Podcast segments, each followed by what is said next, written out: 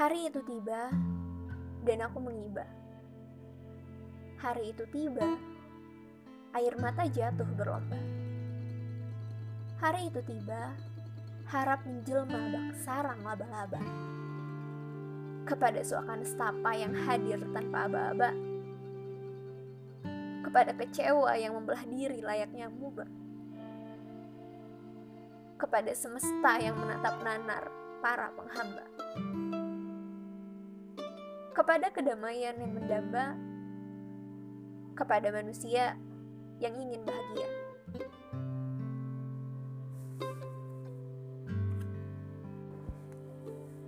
Aku tak paham bagaimana semesta ini bekerja. Betapa kehidupan berhasil sekenanya mencandai kita. Di dalam istana bertahta, yang ada hanya berdua.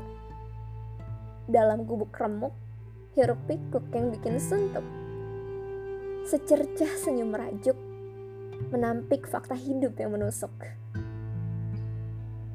Dalam gelimang yang bergemilang, yang ada hanya bimbang. Dalam ketiadaan dan pas-pasan, ada harap doa yang dipanjatkan.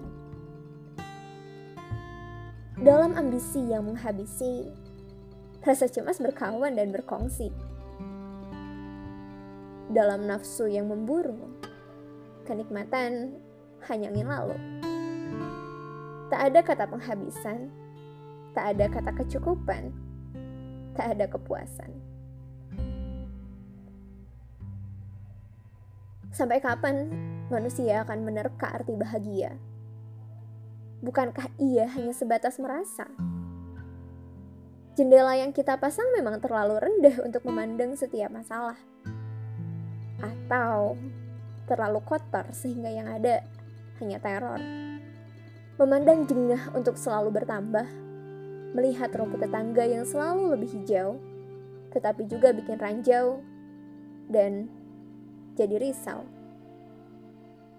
Nyatanya, hidup ini bukanlah tentang persoalan fakta atau realitas, melainkan tentang merasa dan memandang. Kebahagiaan sejati adalah tentang merasa, sehingga fakta menjadi kalah penting dibanding perasaan kita. Sehingga kesulitan hidup sendiri sejatinya adalah soal fakta atau perasaan ya. Ini adalah hari di mana aku harus angkat kaki dari rumah sendiri. Meninggalkan masa lalu yang berangsur-angsur jadi debu. Kenangan yang terkubur bersama jasad ayah dan ibu. Kau tahu, kehidupan rumah tangga nyatanya tidak sesederhana itu. Terusir, tersingkir, terpinggir. Jika katanya keluarga adalah surga, maka bagiku malah petaka membayangkan keluarga lima bersaudara, sedang aku menjadi bunga permata di dalamnya. Bungsu sekaligus putri cantik ayah, mestinya dicinta semesta seakan ratu dunia. Nyatanya, aku mesti berhati baja dan bertegar karang. Kau melihat matanya yang mengancam, gerahamnya yang menggertak, dan nada bicaranya yang meninggi. Aku bahkan sampai lupa bahwa dia kakak sendiri. Sementara tetangga dan kawan memeluk, mengusap air mata yang terlanjur mengering. Persoalan harta, warisan, tahta, ego, dan segelintir bahagia yang menyertainya. Betapa berhasil dunia memporak-porandakan persaudaraan kita menjadi puing-puing belaka.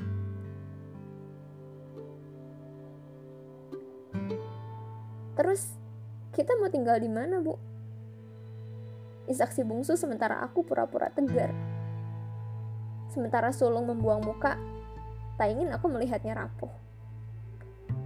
Bergerak, berkemas tanpa tujuan. Memikirkan beban berat di depan. Sekedar untuk bertahan hidup. Bagaimana untuk makan? Bagaimana untuk bertahan?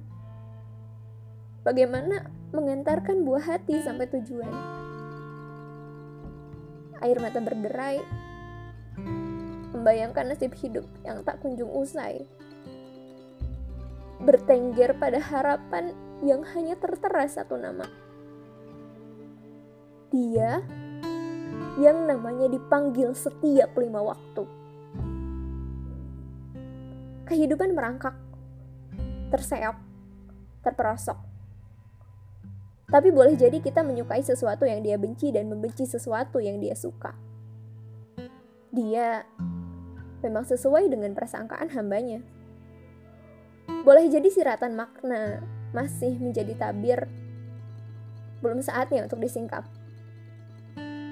Ketakutan akan rezeki yang menjadi, nyatanya harta tak melulu soal logika matematika. Pangan terbatas hingga manusia jadi beringas, seakan pemberi rezeki tak lagi peduli. Padahal jelas bahwa persoalan rezeki ini telah ditetapkan tindak tanduknya saat di rahim dulu. Yang tidak dijamin malah tidak dikejar, atau menancapkan standar hidup tinggi dan terjebak pernak-perniknya. Akhirnya, setelah pindah aku sadar bahwa rencananya memang semisterius itu. Tak menyangka bahwa rezeki memang datang dari arah yang tidak disangka-sangka. Secara matematis, pendapatan 1.600 hasil keringat berdua takkan cukup untuk membiayai lima anak yang semuanya menempuh jalur pendidikan formal. Secara psikologis, menjadi frustasi atau memaki nasib adalah pilihan terbaik untuk melampiaskan emosi dan beban tak terperi. Tapi mungkin mungkin itulah salahnya saat menitipkan bahagia dengan standarisasi materi yang tak kunjung ada habisnya. Bahwa persoalan rezeki tak melulu terhitung dari apa-apa yang kita usahakan. Bukankah pemberian orang adalah rezeki? Bukankah pinjaman adalah rezeki? Bukankah anak soleh adalah rezeki? Bukankah iman adalah rezeki? Bukankah ilmu adalah rezeki? Bukankah perspektif mulia tentang hidup juga adalah rezeki? Barangkali kita lupa bahwa tujuan makan adalah tidak lapar, bukan untuk kenyang atau merasa puas. Barangkali kita alpa bahwa sampai tujuan tak melulu harus memakai mobil atau motor.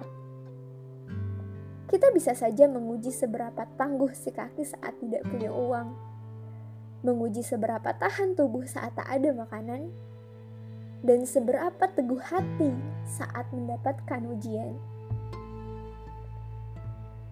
Standarisasi bahagia yang terlalu tinggi memang sering bikin lupa diri maka perkataan seorang guru begini: